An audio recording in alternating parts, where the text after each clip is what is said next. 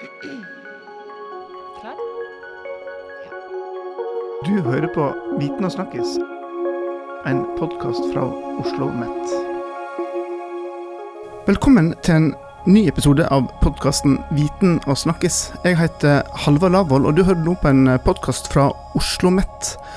Og med meg i studio i dag har jeg Lars Inge Terum. Velkommen. Takk. Eh, Du er jo du er også blitt en podkastmann. Ja, det er riktig det. Ja. Jeg har nå eh, gjort eh, en del samtaler i studio under god veiledning for deg. ja, det skal vi. Vi skal komme litt tilbake til det med, med, med podkasten din. Men du, kan ikke du eh, fortelle litt om deg sjøl? Før vi skrudde på opptakene, nå, så kunne du fortelle meg at du er den første tilsatte professoren her på Oslo Met. Ja, det er riktig. Vi var to stykker som ble tilsatt omtrent samtidig Uh, i 19... uh, Tidlig i 1998, så jeg begynte på det som heter Høgskolen i Oslo i august i 1998. Uh, og det som man ikke tenker over, det er at det var ikke vanlig med professorater på, på høgskolene før. Det var først på 90-tallet man fikk anledning til å, å ha denne type stillinger. Mm. Hva var oppdraget ditt når du ble tilsatt? Jeg ble tilsatt? i en kombinert stilling, både som professor, men jeg fikk i oppgave å skulle eh, starte opp et nytt forskningssenter som heter Senter for profesjonsstudier. Så jeg fikk et stort, tomt kontor eh, og litt et styrevedtak, og så starta vi eh, gradvis opp fra høsten eh, 1998. Ja.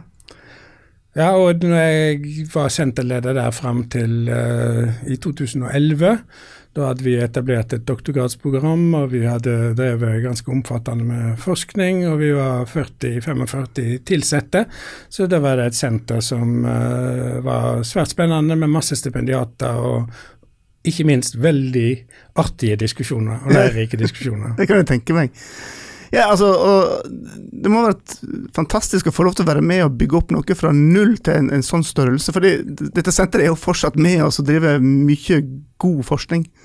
Ja, altså det, det var en fantastisk opplevelse. og Det var jo først og fremst det at det var så mange som hadde lyst til å være med og bygge opp det senteret, slik at eh, rundt omkring så sto det folk nærmest i kø og, og ville være med og gi innhold til det, til det senteret. Og vi brukte jo masse tid på å finne ut hva dette som styret hadde vedtatt, hva profesjonsstudier var for noe. Utgangspunktet var jo at Høgskolen i Oslo som det sto i den tiden, eh, var, hadde 22 profesjonsutdanninger. Eh, og det som den daværende rektor Steinar Stjerne var opptatt av, og jeg har lyst til å nevne Åshild Frøysland, som var høgskoledirektør, de var opptatt av å prøve å få tak i hva er det som gjør at vi kaller disse utdanningene som er så forskjellige, for profesjonsutdanninger. Hva er det som binder de sammen, og hva er det som skiller de? Eh, Så det vi brukte masse tid på, det var både å se på utdanning, utøvelsen av yrket, men også forstå mer samfunnsmessig hvordan disse yrkene hadde vokst fram. Og nå, eh, altså, Det var liksom historien her. Nå jobber du med noe som heter arbeidsinkludering.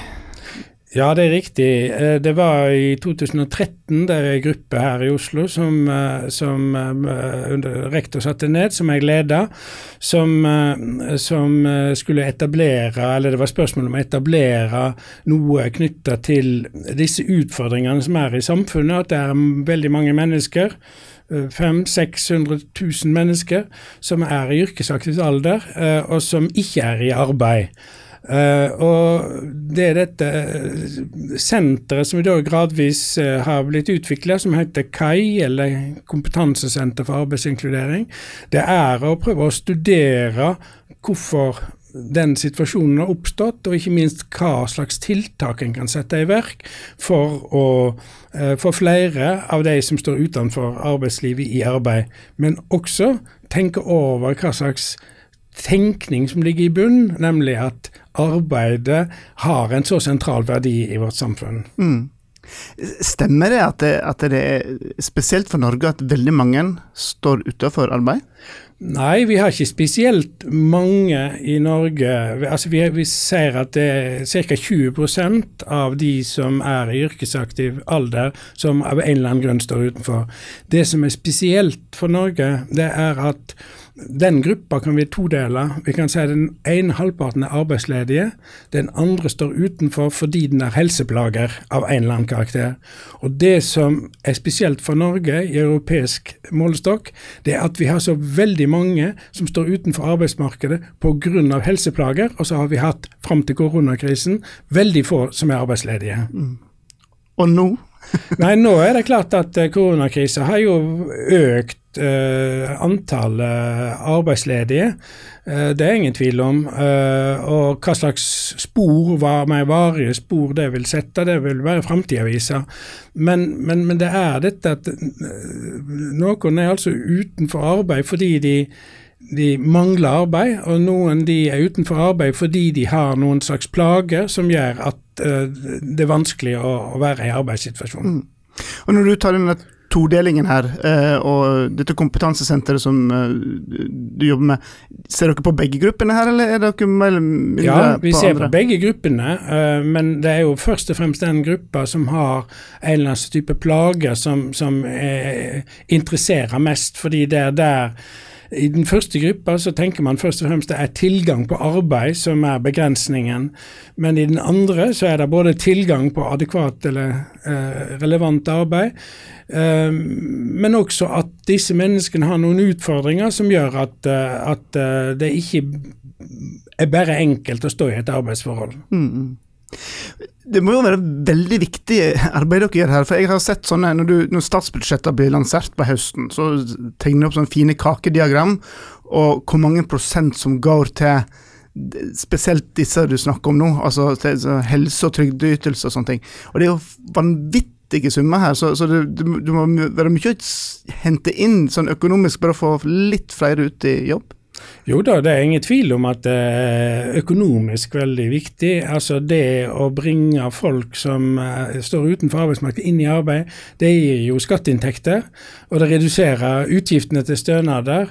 Eh, og det får flere hender i arbeid og sånt, så det er klart at det er et helt fundamentalt spørsmål i, i velferdsstaten.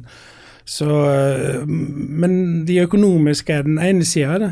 De menneskelige sidene, altså at eh, mennesker som ønsker å arbeide, skal få høve til å, å arbeide. Men samtidig er jo konkurranseforholdene i arbeidsmarkedet slik at det er ikke bare enkelt å, å ta inn eh, folk som har redusert arbeidsevne. Mm.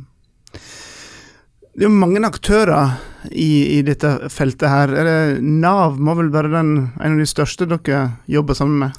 Ja, altså dette kompetansesenter for arbeidsinkludering, KAI, det har vært et spleiselag mellom Arbeids- og velferdsdirektoratet, altså Nav, og Oslo OsloMet. Og det har hatt finansiering fram nå ut dette året.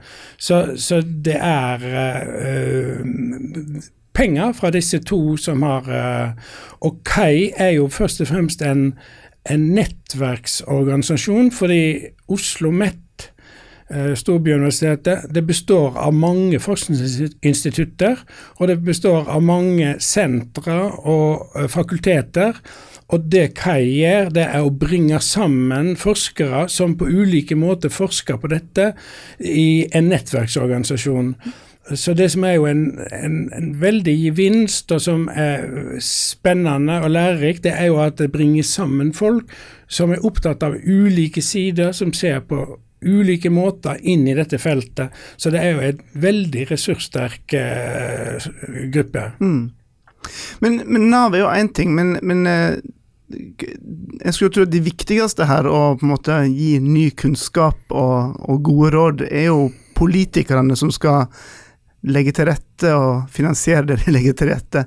Er de med i leiken her og hører etter? Ja, altså De aller fleste som driver forskning på dette feltet som en del av, de har jo penger fra forskningsråd og fra andre kilder. Uh, og det er helt rett som du sier, at viktig, et viktig formål med forskningen er både å forstå hva slags fenomen dette arbeidsinkludering er for noe, hva som gjør at eller hva som er effektive virkemidler eller framgangsmåter for å få folk inn i arbeid. Men, men det ved siden av det så er vi jo en stor utdanningsinstitusjon, så vi er jo også veldig opptatt av at de profesjonene som jobber inn mot dette feltet, også skal bli mer eh, oppmerksomme på disse utfordringene. Fordi eh, både i helsefeltet og i sosialfagsfeltet så vil jo dette med arbeidsinkludering være helt fundamentalt. Tilbake til denne todelingen eh, innenfor arbeidsinkludering. Eh, nå står vi jo midt i koronasituasjonen, og den vil jo sannsynligvis være med oss en god stund og vi har mange arbeidsledige. Er det en fare nå for at de som er utenfor arbeidslivet pga. helseplager, blir glemt og lagt til rette til, og alt fokuset blir på de som har, er permitterte og har mista jobbene sine? Ja, Det er ingen tvil om at, eh, at, eh, det at du nå får mer oppmerksomhet på permitterte og arbeidsledige, at det kan føre til at du får et skifte av, eh, av blikk vekk fra de som har enda større utfordringer. Men det er jo noe som er mulig å gjøre noe med, men, men slik situasjonen har vært nå, så, så er det helt naturlig at oppmerksomheten blir, blir retta mot de arbeidsledige. Eh, men det viktige er jo på sikt at ikke det er for mange av de som nå har blitt arbeidsledige, som på en eller annen måte blir merkt og gradvis over tid får problemer med å komme inn på arbeidsmarkedet og bli, komme inn igjen i den gruppa som, som, har utfordringer av en eller annen type, som gjør at de, de, de ikke bare er arbeidsledige i mangel på arbeid, men, men at de også sliter med, med, med tilleggsplager som, som uh, gjør det vanskelig å komme inn på, på arbeidsmarkedet. Mm, mm. Er norske arbeidsgivere gode nok til å ansette den andre gruppa som snakker om de med, med sykdom og plage? Altså Det er jo i denne, denne inkluderingsdugnaden mellom eh, partene i arbeidslivet og regjeringen, så er det jo snakk om at de med hull i CV-en skal få en mulighet og, og, sånne ting.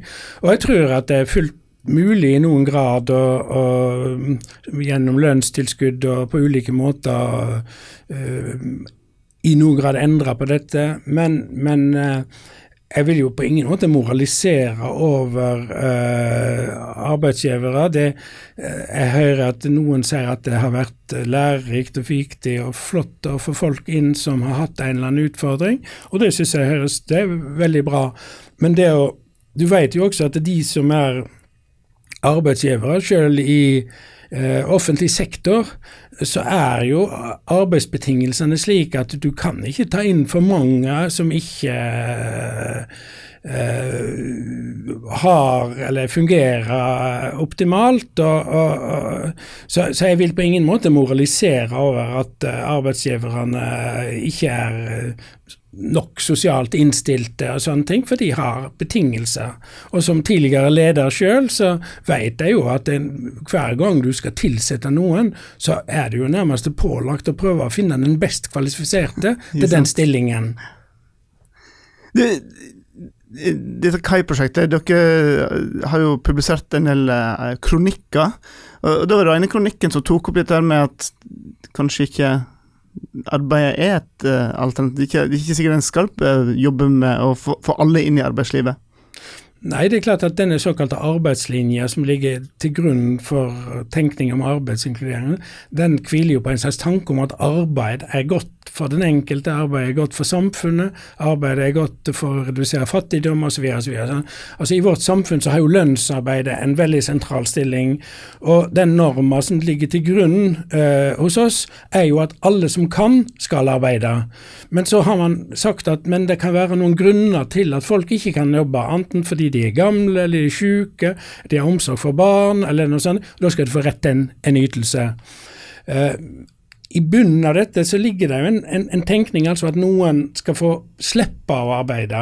Og dette er veldig et veldig vanskelig punkt. altså. Når er det best for et menneske å få leve på en offentlig stønad, og når er det best å prøve å presse dette mennesket inn i, inn i arbeid?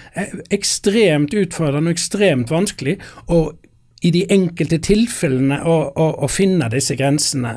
Så, så, så spørsmålet om forholdet mellom arbeidsevne hos den enkelte og sykdom eller helseplage, det, det er en veldig og, og, i samfunnet så er det et spenningsfullt forhold her. fordi på den ene siden så har vi hatt en tenkning om at hvis du er syk, så skal du slippe å jobbe.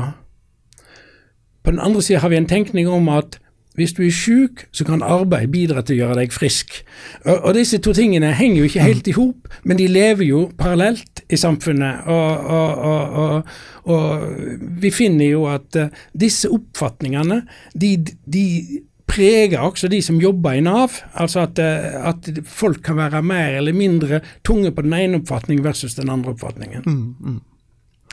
Du Lars Inge, eh, podkasten vi snakker om, eh, da sitter du i min stol og, eh, og prater med ulike gjester. Hva slags folk er det du har i podkasten din? Først vil jeg si at jeg trives bedre i den stolen du sitter i, enn i den stolen jeg sitter i nå. Det er noe Greit å kjenne på det. Med å si. Uh, nei, tanken bak den podkasten er rett og slett at dette med arbeidsinkludering er et stort felt. Det er et komplisert felt. Eh, og gjennom å invitere inn folk som kan mye om dette feltet, så tenker jeg å prøve å få kasta lys på ulike sider ved dette. Men jeg vil også nettopp få fram at folk ser inn i dette feltet på veldig ulike måter. Og det er på en måte ikke én oppfatning om dette, dette feltet.